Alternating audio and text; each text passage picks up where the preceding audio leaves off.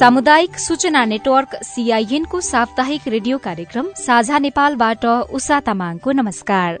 कार्यक्रम साझा नेपाल सामुदायिक रेडियोहरूको छाता संगठन सामुदायिक रेडियो प्रसारक संघ अकुराबद्वारा संचालित सामुदायिक सूचना नेटवर्क सीआईएन मार्फत देशभरि प्रसारणमा रहेका तीन सय भन्दा बढ़ी सामुदायिक रेडियोबाट सुन्न सकिन्छ।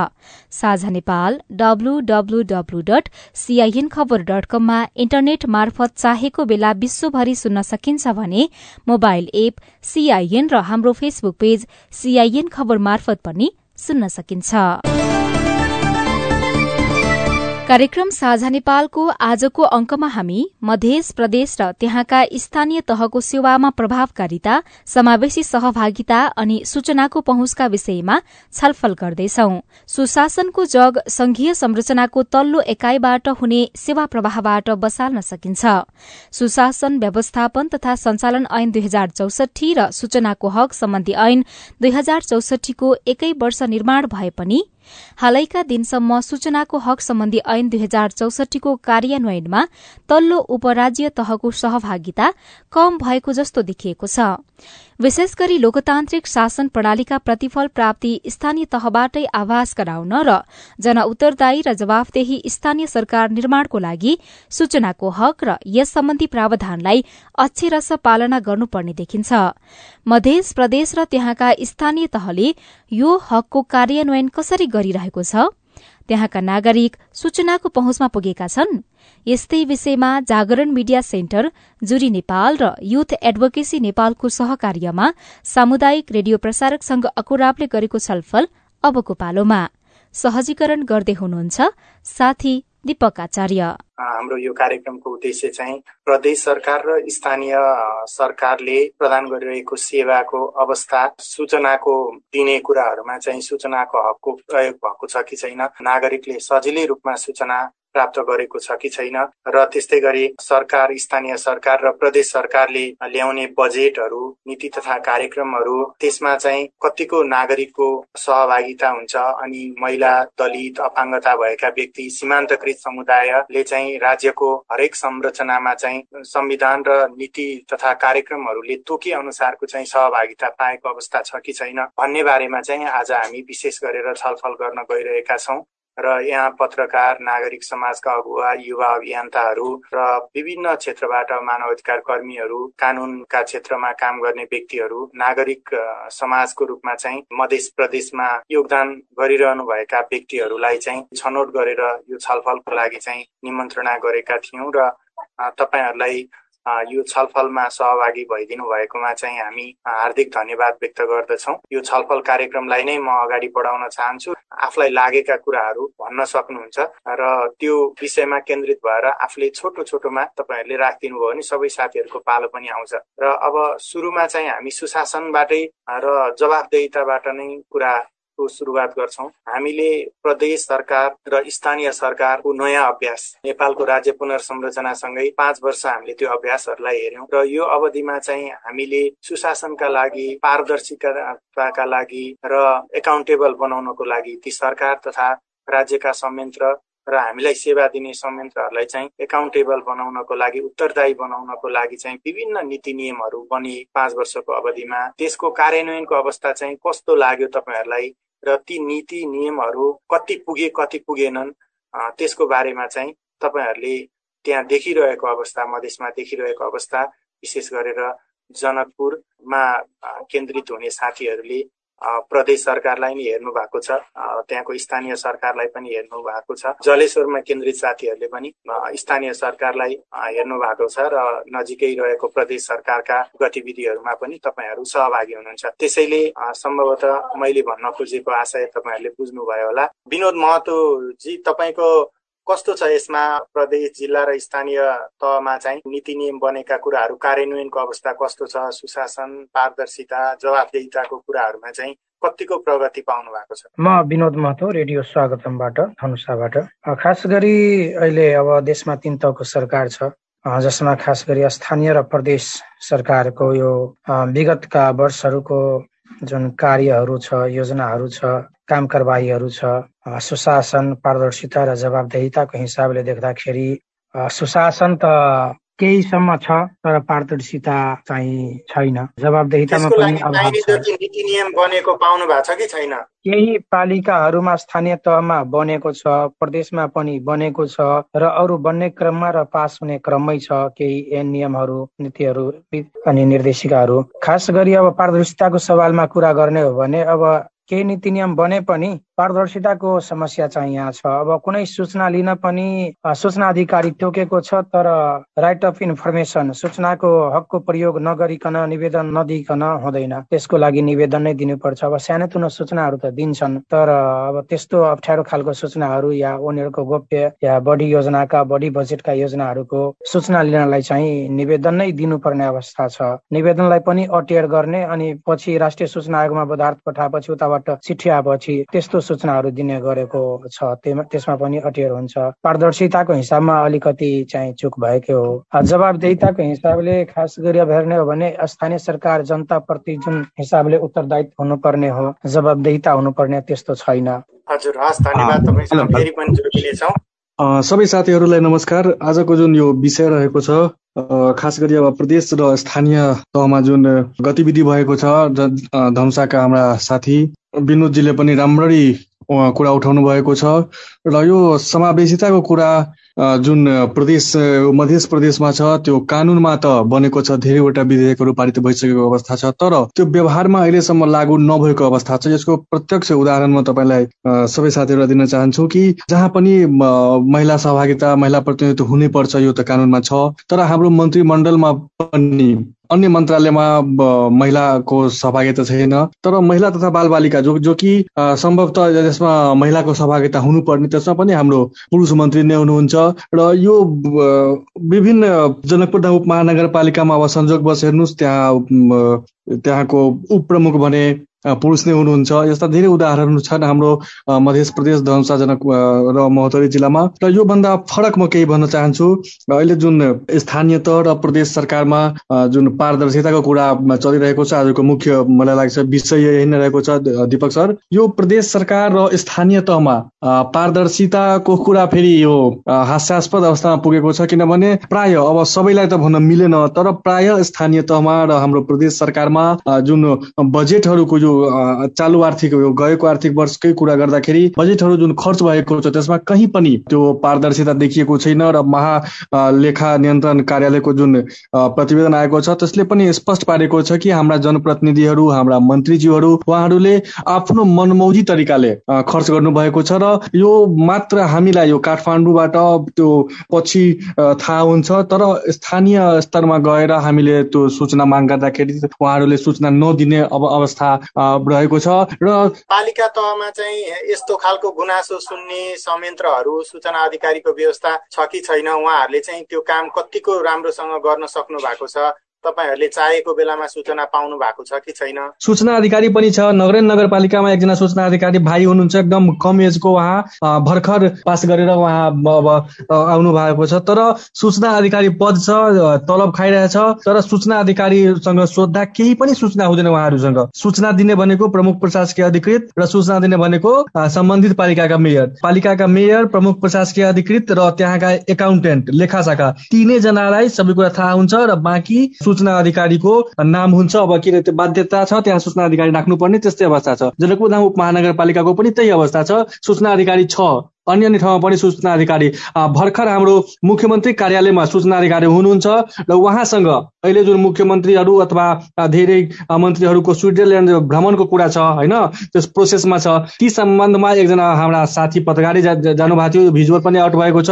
सूचना अधिकारीलाई सोद्धाखेरि हामीलाई थाहा छैन सचिवज्यूलाई सोध्नुहोस् भनेपछि सूचना अधिकारी पद छ तर उहाँहरूले सूचना नदिने अवस्था रहेको छ सृजना भएको छ त्यस्तो अवस्था छ दिपक सर। हुन्छ तपाईँलाई धेरै धेरै धन्यवाद। तपाईँसँग धन्यवाद जोडिन्छौँ। अब हाम्रो महोत्तरीबाट सञ्जु पाण्डेजी हुनुहुन्छ।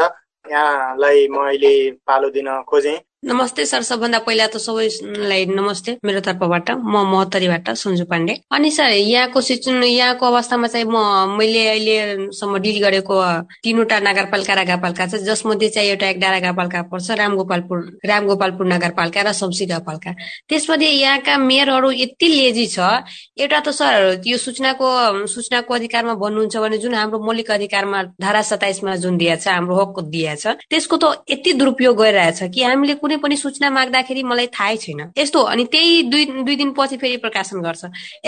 जस्तै कि अब सपोज मानु अब कुनै रोड नै बनिरहेछ भने त्यसको जानकारी त पाउने त सबैको हक हो नि त। तर पनि त्यसको एकचोटि जानकारी दिन्छ कि यतिको बजेट हो भनेर बोर्ड टाँसिदिन्छ। त्यसमा के कति खर्च भयो भनेर आम आम जनताले अब त सबैले खोज्दै खोज्दैन किनभने डराउँछ।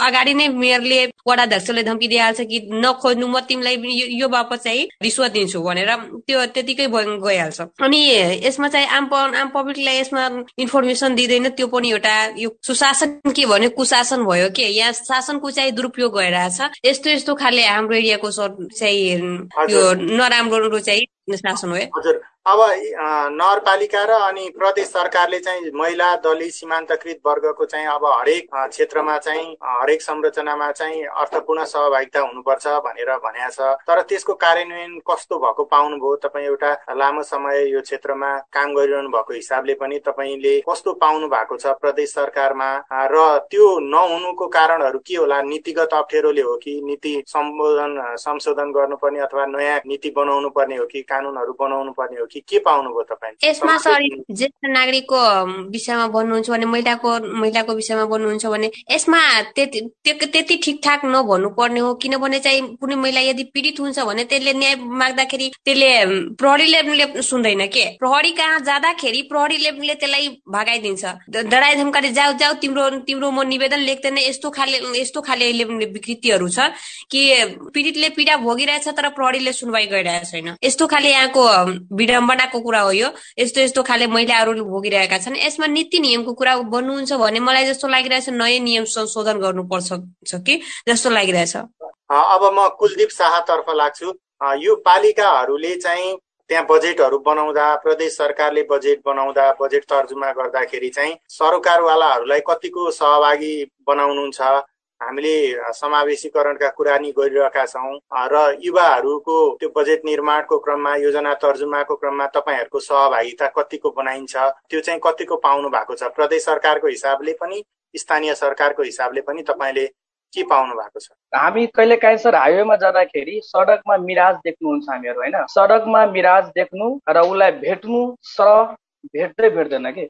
मिराज देख्नु र भेट्नु। त्यस्तै म यो कहाँ कहाँनिर जोड्न चाहन्छु। स्थानीय सरकार होस् या प्रदेश सरकार जुन हजारौँ सैकडौँ सदस्य शहीदहरूको बलिदानले गठन भएको हाम्रो देश एउटा नयाँ परिवर्तनमा गएको। उहाँहरूबाट सुशासन पारदर्शिता जवाबदेहिता खोज्नु भनेको त्यस्तै मिराज पाउनुहोस् र भने मलाई लागिरहेछ विगत पाँच वर्षको अनुभव हेर्दाखेरि एउटा युवाको हिसाबले। प्रदेश सरकारको होस् या स्थानीय सरकारको होस्। जनप्रतिनिधिहरू एकदमै जनप्रतिनिधिहरू अहिले पाँच सालको विगतको हेर्दाखेरि आफैमा एउटा एउटा प्रान्त जस्तै जुन स्थानीय निकाय त्यहाँको राजा आफै ठाने जहाँको प्रतिनिधि चाहिन्छ रुचाउन चाहन्छ भन्न। त त्यो जनप्रतिनिधि प्रतिनिधिसँग हामी के अपेक्षा राख्छौँ? जनकपुर धाम उपमहानगरपालिकाको पूर्व मेयर जुन लाल किशोर थियो साथ थियो म नामै भनेर चाहन्छु यहाँ उहाँ आफैलाई गौरवान्वित केमा फिल गरिन्थ्यो भने नगर पिता। जो आफैमा नगर पिता भन्ने रुचाउँथे नगर सेवक होइन नगर पिता भन् भन्न रुचाउँथे उहाँसँग के हामी अपेक्षा राख राख्ने? जनकपुर धाम महानगरपालिकामा पारदर्शिताको नाममा जवाबदेहिताको कुरा गर्दाखेरि यहाँको पत्रकारहरूले एउटा सूचना माग गर्दाखेरि त्यहाँको आफ्नो कार्यकर्ता लगाएर फुटपिट पनि गराएको थियो। देशभरि सबैलाई थाहै छ। भर्खरै योभन्दा अघिको साथीहरूले बटुक सरहरूले भन्नुभएको छ आठ सय केजी मासु भन्नु एउटा कार्यक्रम आठ सय केजी मासु खानु भनेको कति ठुलो यहाँ घोटाला रहेछ? यो त सानो उदाहरण हो। पारदर्शितामा जवाबदेहितामा सुशासनमा भन्दाखेरि यहाँ धेरै कार्यक्रमहरू एनजिओको कार्यक्रम जुन हुन्छ जस्तै तिनवटा कार्यक्रम एउटा कुनै प्रोजेक्ट लिनलाई कमसेकम मिनिमम तिनवटा संस्था त्यहाँनिर पुग्नु पर्ने तर तिनवटा संस्था एउटा प्रोजेक्टको लागि को जान्छ? त्यसको आफ्नै वरपर भएका संस्थाहरूलाई त्यहाँ राखिन्छ। कुनै कुनै व्यक्तिले एक एकजना व्यक्तिले चार चारवटा संस्था खोलेको हुन्छ अनि कुनै एउटा प्रपोजल लिएको गयो भने चारवटा संस्थाले आफ्नै प्रपोजल लिने त्यसबाट एउटा लिइहाले प्रोग्राम कहाँबाट हामी पारदर्शिता गर्ने? सूचना माग गर्दाखेरि विगत डेढ दुई साल पहिला प्रदेश सरकारबाट आन्तरिक सञ्चार मन्त्रालयको तर्फबाट पत्रकारहरूको लागि तालिम तालिम दिएको त्यसमा लास्टै व्यापक रूपमा भ्रष्टाचार भएको थियो। हामी केही युवाहरू मिलेर आरटिआईको सहयोग गरेर सूचना माग गर्यौँ। तर बिलिभ गर्नु अहिलेसम्म हामीलाई सूचना प्राप्त भएको छैन। हामीनिर एउटा युवा कस कहाँनिर चुक्यो भने जुन एउटा सीमित टाइम हुन्छ त्यो टाइमभित्र राष्ट्रिय सूचना आयोगलाई हामी निवेदन लेख्न पायौँ त्यति बेला। लकडाउन कोरोनालाई गर्दाखेरि हाम्रो पनि आफ्नै व्यवस्था थियो। त्यही भएर हाम्रोलाई फेरि आरटिआई गर्नुपर्ने अवस्था देखिएको छ।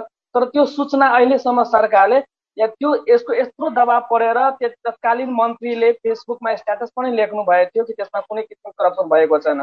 तर रियालिटी कहाँ कहाँ के के खर्च भयो भने त्यो भन्न नचाहने। सूचना अधिकारीसँग सूचना माग्दा उहाँ उहाँले पनि डाइरेक्ट सचिवजीको कुरा गर्नु या मन्त्रीजीसँग कुरा गर्नु। केही समय पहिला भर्खर महिना दिन पनि हुन लाग्यो अब प्रदेश सरकारले एउटा युवा महोत्सव गरेको थियो मधेस सरकारमा। त्यो मधेस सरकारले पहिलोचोटि युवा महोत्सव गरेर गरेको थियो कार्यक्रम। हामी एउटा युवाको तर्फबाट उसलाई धेरै स्वागत पनि गरेको थियो कार्यक्रमलाई। कमसेकम जाँदा जाँदै युवा महोत्सव त गरिरहेछ। तर त्यो कार्यक्रममा कति भ्रष्टाचार भएको छ? उहाँले उप सचिवले कार्यक्रममै अन्तिम दिन दोस्रो दिन के भनेको थियो भने कार्यक्रम सकिने बित्तिकै दुई दिनपछि हामी सबै कुरा सार्वजनिक गर्छौँ। तर त्यसको अहिलेसम्म केही सार्वजनिक गरेको छैन। कार्यक्रममा प्राय जसो धेरै कुराहरू हेर्दाखेरि नियम अनुसार प्राय जसो हुन्छन् तर त्यो नियम कहाँनिर हुन्छ भने यत्रो मिलाएर गरेको हुन्छ आफ्नै मानिसहरू कहाँ जस्तै कुनै कार्यक्रममा पचासजनाको सहभागिता चाहियो भनेर। त्यसमा त्यसमा चेक गर्नु भने पचासजनामा पैँतिस चालिसजना त्यसको आफ्नै वरपरको मान्छे हुन्छ। कति फर्जी हस्ताक्षर गरेको हुन्छ। यो सबैलाई नियन्त्रण गर्नमा एउटा आशा जागेको थियो के थियो भने नेपालमा अख्तियार अख्तियार सशक्त भइदिएको भए यसले सायद यति रूपमा लापरवाही हुँदैन थियो स्थानीय सरकारहरूले चाहे प्रदेश सरकारहरूले।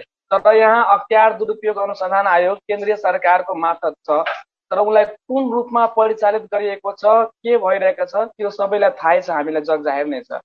हुन्छ सरोज मित्र सर तपाईँले आफ्नो परिचय दिँदै यो बारेमा केही कुराहरू राखिदिन अनुरोध गरेँ अलिकति हामीले सरकारलाई सुशासनको लागि पारदर्शिताको लागि उत्तरदायी बन्नको लागि समावेशी सरकार बनाउनको लागि स्थानीय सरकार पनि प्रदेश सरकारलाई चाहिँ जिम्मेवार बनाउनको लागि जनतालाई चाहिएको बेलामा सूचना दिने बनाउनको लागि चाहिँ के गर्नुपर्छ? सरोज मिश्र सर। म युथ एक्टिभिस्टको हिसाबले काम गर्थे पहिला जेवाइडिएफ भन्ने मेरो पहिलो चाहिँ न्युज फरम थियो जनकपुर युथ डेभलपमेन्ट फोर्स भनेर। अनि त्यसबाट हामीले धेरै काम गऱ्यौँ र आरटिआई सम्बन्धी पनि धेरै काम गऱ्यौँ।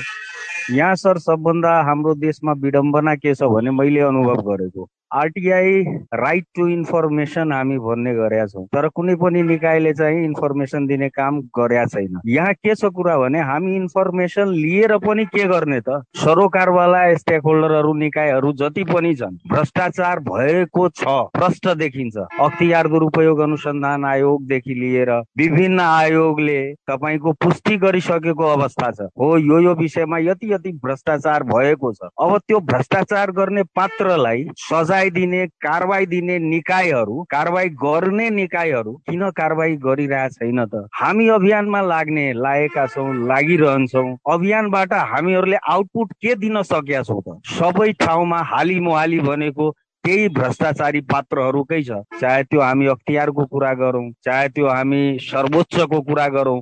अदालतको कुरा गरौँ पुलिस प्रशासनको कुरा गरौँ जुन पनि ठाउँको कुरा गर्दा हरेक ठाउँमा उनीहरूकै वर्चस्व रहेछ। नीति नियम बनाउनेहरूले नीति नियम बनाउनुमा नीति नियमलाई सुधार गर्नुमा सबै कुरामा तिनीहरूले खालि बजेटको चलखेल मात्रै गर्ने गरेछ कार्यान्वयनको पक्ष चाहिँ एकदम फितलो छ। कुनै पनि पक्षको कुनै पनि कुराको चाहिँ कार्यान्वयन चाहिँ हुन सकेका छैन। कार्यान्वयन गराउनु पर्यो र यसको लागि युवा मात्रै होइन कि हाम्रो प्रदेश देशको हाम्रो देशको जनता अलि बढी जागरुक हुनुपर्ने अवस्था म देख्दछु। यहाँ के छ भने अब फलानु फलानु साथीहरूले चाहिँ यो अभियान गरिरहेछ। तिनीहरूलाई नै जिम्मा दिए जस्तो भयो के? तिनीहरूले गर्छन् नि। यहाँ अब हाम्रो देशको एउटा ट्रेन्ड के बसिया छ भने जबसम्म कुनै पनि मुद्दामा हामी एकदम जोरदार आन्दोलन गर्दैनौ। तबसम्म आउटपुट चाहिँ को कल्पना पनि गर्नु चाहिँ एउटा नौलो कुरा भइहाल्छ के? त्यसमा कुनै आउटपुट नै आउँदैन। त यो सब कार्यान्वयनको लागि नीति नियमको कार्यान्वयनको लागि सुशासन सबभन्दा प्रमुख कुरा हो। सुशासनको अनुभूति हुनु पर्यो। यहाँ प्रशासन छ प्रशासनिक निकाय छ हाम्रो देशमा शासन व्यवस्था बलियो छ भनेर बुझ्नु पर्यो। त्यसैले अब यो त यो सब स्टेक होल्डरहरू त उहाँहरू नै हुनुहुन्छ। हाम्रो स्थानीय सरकार प्रदेश सरकार केन्द्र सरकार यो तिनटै सरकारको चाहिँ टेरिटोरी भित्रै पर्छ। जुन पनि कुरा हामीले गरौँ किनभने सम्पूर्ण निकाय उहाँहरूसँगै रिलेटेड छ। एउटा मात्रै जनताको जुन आवाज हुन्छ जनताले जुन गर्नुपर्ने काम हुन्छ अभियानीले जुन गर्नुपर्ने काम हुन्छ त्यो काम काम गलत व्यक्तिलाई त्यो गलत गर्नेलाई अब कारवाही गर्ने सजाय गर्ने काम त इमान्दारी पूर्वक उहाँहरूले गर्नु पर्यो त्यो चाहिँ पक्ष एकदमै निकै कमजोर छ हामीहरूको। त्यसलाई चाहिँ बलियो बनाउन सबल नेतृत्व र अलि जिम्मेवारी अहिले हाम्रो देशमा के भइरहेछ भने सर जनतामुखी राजनीति भएकै छैन सत्तामुखी राजनीति भएको छ। हुन्छ अब अरू साथीहरू तपाईँहरूले पालै पालो आफ्नो कुराहरू जुन विषयमा हामी आज छलफल गरिरहेका छौँ त्यसमा अलिकति बढी हामीले सरकारलाई कसरी उत्तरदायी बनाउने सुशासन स्थानीय सरकारमा र हाम्रो सहभागिता युवाहरूको सहभागिता महिलाको सहभागिता सीमान्तकृत समुदायको सहभागिता समावेशीकरणका कुराहरूलाई कसरी कार्यान्वयनमा लाने र सूचनाको हक सबैले प्राप्त गर्नको लागि सबैमा चाहिएका सूचनाहरू पुग्नको लागि के गर्नुपर्छ भनेर हामी छलफल केन्द्रित गरिरहेका छौँ। तपाईँहरूको म विचार भनाइ अनुभव भोगाई सुन्न चाहन्छौँ हामी उदाहरणसहित। खास गरी यहाँ धेरै कुरा सुनियो। सबै कुराहरू हाम्रो त अब हालमा डुबेको छ हाम्रो स्थानीय सरकार र मध्य सरकार अब यसमा कुनै दुई मत छैन। सार्वजनिक परीक्षण सामाजिक परीक्षणको कुरा आयो लेखा परीक्षणको कुराहरू आयो। पाँच वर्षको अवधिमा विगतको समीक्षा गर्दा सार्वजनिक लेखा परीक्षण होस् या सार्वजनिक सुनवाई कार्यक्रम होस् पालिकाहरूले एक दुईवटा पालिका बाहेक बादमा गरेको छैन। गरेको छ भने त्यो भित्री कोठामा गरेको छ दसजना बिसजना पच्चिसजना मिलाएर ताकि बाहिरको मान्छेले विरोध नगरोस् त्यसरी गरेको छ। तर त्यसको रिपोर्ट यताउता दुनियाँदारी केही बाहिर भएको हुँदैन। हाम्रो यहाँ असारे विकासको चलन छ। वर्षमा सबै एघारै महिनासम्म साइलेन्ट हुन्छ। एकैचोटि असारमा गएर योजनाहरू सम्झौता हुन्छ फरफारक हुन्छ बाढीको भेलमा विकासहरू हुन्छ नाला बनाउने सडक खन्ने दुनियाँदारी काम हुन्छ। अनि काम नसक्दै त्यो बिल भरपाई पेस हुन्छ बजेट निकासा हुन्छ बन्छ अडिट गर्ने मान्छे आउँछ सबै कागज पत्र हेर्दा पनि हेर्दैन चार पाँच लाख रुपियाँ लिन्छ सेटिङ गरेर पुरै अडिट गरेर ओके गरिदिन्छ। तर त्यो कुनै पनि योजनाहरू पारदर्शी हुँदैन। कुनै योजना सञ्चालन गर्दा सुरु गर्दा त्यसमा लागत कति हो जन श्रमदान कति हो कति दिनको कार्ययोजना हो त्यो सबै बोर्ड हुनुपर्ने। त्यो बोर्ड कुनै पनि योजनामा कति देखिँदैन। यसले पनि यो प्रष्ट देखिन्छ कि पारदर्शिता छैन सुशासन छैन। जो स्वयं सरकार सुशासन कायम गर्नुपर्ने त्यो नै कुशासन भएको छ यहाँ सबै ठाउँमा। हालमा डुबेको छ।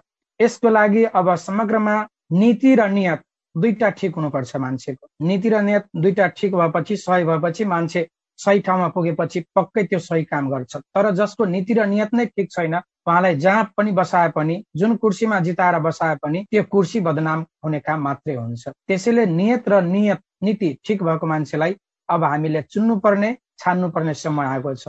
र जुन ठाउँमा स्थानीय सरकार होस् या प्रदेश सरकार होस् त्यहाँ घचघचाउने अवस्था आइसकेको छ। होइन भने अब यो संहिता बदनाम मात्रै हुन्छ र जो पदमा बस्छ त्यो मलामाल मात्रै हुन्छ। गरिब जिउको त्यही छ। गरिबको नाममा नारा लगाएर भज भजाएर खानेहरू अगाडि बढिरहेको छ यो देशमा। त्यसैले अब कमसे कम जागरुकता जरुरी छ। जनता जाग्नै पर्छ। कसैको लठै छैन। नीति र नियम सही भएको मान्छेलाई हामीले चुनेर पठाउनु पर्छ। कसैको लठैत बनेर कसैको मासु भात खाएर गयो भने पक्कै त्यो भोलि भ्रष्टाचारै हुन्छ अनियमितै हुन्छ पारदर्शिता हुँदैन त्यहाँ कुशासनै हुन्छ।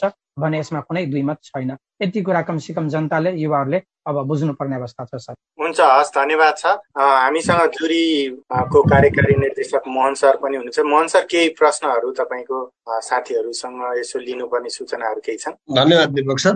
मेरो त्यस्तो खासै प्रश्न छैन। साथीहरूले ल्याइराख्नु भएकै छ। मलाई अलिकति चाहिँ पोलिसीहरू छन् नीतिहरू छन् भन्नुभएको छ साथीहरूले। खोतल्नु भएकै होला भन्ने लागेको छ। खास गरी स्थानीय तह र प्रदेशको मेकानिजममा चाहिँ मलाई अलिकति अभाव हो कि जस्तो लागेको। जुन चाहिँ उजुरी यहाँले चाहिँ जस्तो मानिलियो अब काम भएन एकाउन्टेबल भएनन् सम्बन्धित निकायहरू चाहिँ जवाफदेही भएनन् भन्ने भन्दै गर्दाखेरि चाहिँ त्यो जवाफदेही भएनन् भन्ने कुराको सुनवाई गर्ने कुनै मेकानिजम छ कि छैन। मेयरले काम गरेन उपमेयरले काम गरेन अथवा प्रमुख कार्यकारी प्रमुखले काम गरेन भन्ने चाहिँ हामीले उजुरी गर्ने मेकानिजम कहाँ हो? त्यो उजुरी गर्दाखेरि सुनवाई गर्ने मेकानिजम छ कि छैन? सुनवाई हुन्छ कि हुँदैन अथवा मेकानिजम छ तर सुनवाई हुँदैन। यो यो यो पाटोबाट पनि अलिकति चाहिँ आइदियो भने जवाफदेहिता सुनिश्चित गर्ने कुराहरूमा चाहिँ ओके हामी कहाँ यो मेकानिजम त छ तर काम गरेन भन्ने एउटा कुरा होला। अर्को चाहिँ मेकानिजम नै छैन। उजुरी सुनवाई गर्ने मेकानिजमै छैन भन्ने यो दुइटा मध्ये चाहिँ के चाहिँ होला साथीहरूले यसो ल्याइदिनु भयो भने हुन्थ्यो भन्ने लागेको मलाई। अरू त ठिकै छ। साथीहरू कसरी भन्नुहुन्छ? सर म भन्न चाहन्छु म सरोज मिश्र। हाम्रोतिर चाहिँ दुईवटा एउटा त यो हाम्रो केन्द्र सरकारको जुन छ अख्तियार दुरुपयोग अनुसन्धान आयोग त्यसको पनि बर्दिवासमा एउटा अफिस छ हामीहरूको। मेरो अनुभव के छ भने म त्यो अफिसमा पनि तिन चारवटा केस लिएर गएको छु। जानकी मन्दिरमा जुन मार्बल लगाउने काम भयो त्यो प्रदेश सरकारको स्वच्छता अभियान अन्तर्गत त्यतिखेर पनि म त्यहाँ गएको थिएँ। त्यसपछि प्रदेश सरकारकै बेटी पढाऊ बेटी बचाऊ अभियान अन्तर्गतको दुई तिनवटा गुनासो लिएर गएको थिएँ र स्थानीय सरकारको पनि गेट जुन छ प्रवेशद्वार मुजेलियामा निर्माण गरेको त्यो प्रवेशद्वारदेखि लिएर ल्यान्डफिल्ड साइट आइयुडिपी परियोजनाको वर्क सम्बन्धी गुनासो लिएर पनि हामी त्यहाँ पुगेका छौँ। तर मलाई दुःख के लाग्यो भने मैले उजुरी पनि दिएँ। त्यहाँ उजुरी दिएर उहाँहरूसँग आग्रह पनि गरेँ कि अहिले काम भइ नै राखेको छ। अहिले काम भइ नै राखेको छ। तपाईँहरू चाहिँ आएर अनुगमन गर्नुहोस् र मेरो गुनासो प्रति तपाईँहरू अलि चासो लिएर अहिले नै काम गर्नुहुन्छ भने रेड ह्यान्ड समात्न सकिन्छ भन्ने खालको कुरो गर्दा उहाँहरूले हामीहरू चाहिँ प्रायोरिटीको आधारमा होइन कि नम्बरको हिसाबले काम मात्रै गर्छौँ भनेर मलाई जवाब दिनुभयो। यो अख्तियार दुरुपयोग अनुसन्धान आयोगको कार्यालयको जवाब हो जुन मैले पाएको थिएँ। यो एकदम असन्तुष्टिपूर्ण जवाब हो। किनभने अब चोरले चोरी गर्दैछ मैले पुलिसलाई खबर गरि गरिसकेपछि तपाईँको चोरलाई चाहिँ हामी प्रायोरिटीको आधारमा होइन कि अरू पनि कम्प्लेन आएछ त्यो सब हेरेपछि हेर्ने हो। भन्दाखेरि के हुन्छ? यस्तो समस्या छ। र प्रदेश जनलोकपालको जुन सरले मध्य प्रदेशको जनलोकपालको कुरा गर्नुभयो यो प्रदेश जनलोकपाल एउटा भरि पढ्ने त्यो गरी खाने भाँडो त्यसमा जति पनि नियुक्त गर्नु भएको छ त्यो सबै पहिलादेखिकै बदनाम चाहिँ कर्मचारीहरू जुन चाहिँ जिल्ला विकास समितिमा बदनाम भएका कतिलाई उजुरी पढेका कतिलाई चाहिँ नागरिकले नै अफिसमा गएर दुर्व्यवहार गरिसकेका पात्रहरूलाई भर्ना गरिराखेका छन्। स्थानीय सरकारको लागि खासै कुनै त्यस्तो उजुरी गर्ने ठाउँ त्यो अख्तियार बाहेक हामीले देखेका छैनौँ। धन्यवाद सरलाई। अरू साथीहरू सर म उमेश भण्डारी धनुषा धाम मङ्गलपुर मेरो घर छ। म प्राय तमाम समस्याहरू मैले पनि भोगेको छु होइन। हामी पनि सामाजिक कार्यकर्ता छौँ होइन। समाजमा काम गर्ने सोसल वर्कर छौँ होइन। यी सबै समस्याहरूलाई समाधान गर्नुभन्दा पूर्व हामीले कुनै पनि राष्ट्र निर्माण गर्नुको लागि व्यक्ति निर्माण हुनुपर्छ। यदि म इन्जिनियर छु म डक्टर छु म प्रोफेसर छु भन्दाखेरि आफैमा निर्माण छैन। जबसम्म निर्माण आफैमा हुँदैन असल निर्माण हुँदैन व्यक्तित्व निर्माण हुँदैन तबसम्म उसले कुनै पनि काम गर्न सक्दैन सर के? व्यक्ति निर्माण हुनु पर्यो सर्वप्रथम अर्को कुरा जुन कयौँ भाइले भन्नुभयो कि खुला मञ्चको व्यवस्था हुनु पर्यो जसमा जसमा मान्छेले फ्रिडम पूर्वक आफ्नो कुरा राख्न पाउँछ विभिन्न किसिमका गोपनीयता कुराहरूलाई प्रश्न पार्न सकिन्छ त्यस्तो किसिमको खुला मञ्चको व्यवस्था भइदियो भने वास्तवमा धेरै कुराहरू प्रष्ट हुन्छ। सरोज दाईले पनि भन्नुभयो धेरै कुराहरू त्यही जानकी मन्दिरमा भएको अनियमितता वास्तवमा उहाँले धेरै प्रयास गर्नुभएको छ। उहाँलाई धेरै धेरै धन्यवाद। छ हाम्रो यस्तो छ कि हाम्रो एउटा जुन छ नि फ्रिडम एउटा सोसाइटी हुन्छ नि फ्रिडम सोसाइटी जति हामी मान्छेहरू छौँ फ्रिडम हिसाबले एउटा सोसाइटी बनाउनु पर्यो। जति छ त्यसमा असल व्यक्ति निर्माण हुनु पर्यो। असल व्यक्तिले मात्र नै भ्रष्टाचारको मुक्त गर्न सक्छ कि? पैसाको चलखेल मात्र भ्रष्टाचार होइन।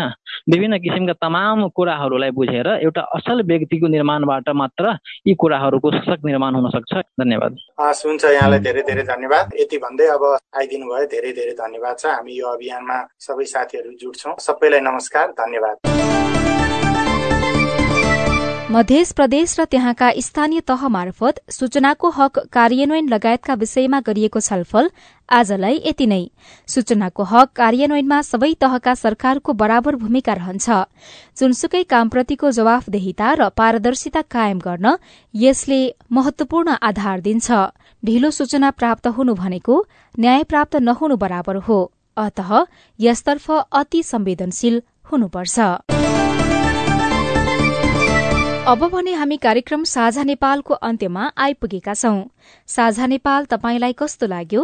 हाम्रो टेलिफोन नम्बर शून्य एक बान्न साठी छ चार छमा फोन गरेर आफ्नो जिज्ञासा सल्लाह सुझाव तथा प्रतिक्रिया रेकर्ड गर्न सक्नुहुन्छ। हवस् त। आउँदो साता आजकै समयमा फेरि रेडियो कार्यक्रम साझा नेपाल लिएर उपस्थित हुनेछौ। त्यतिन्जेलसम्मका लागि प्राविधिक साथी सुभाष पन्तलाई धन्यवाद दिँदै तामाङ विदा हुन्छु। आउँदो साताको साझा नेपालमा फेरि भेटौंला। नमस्कार।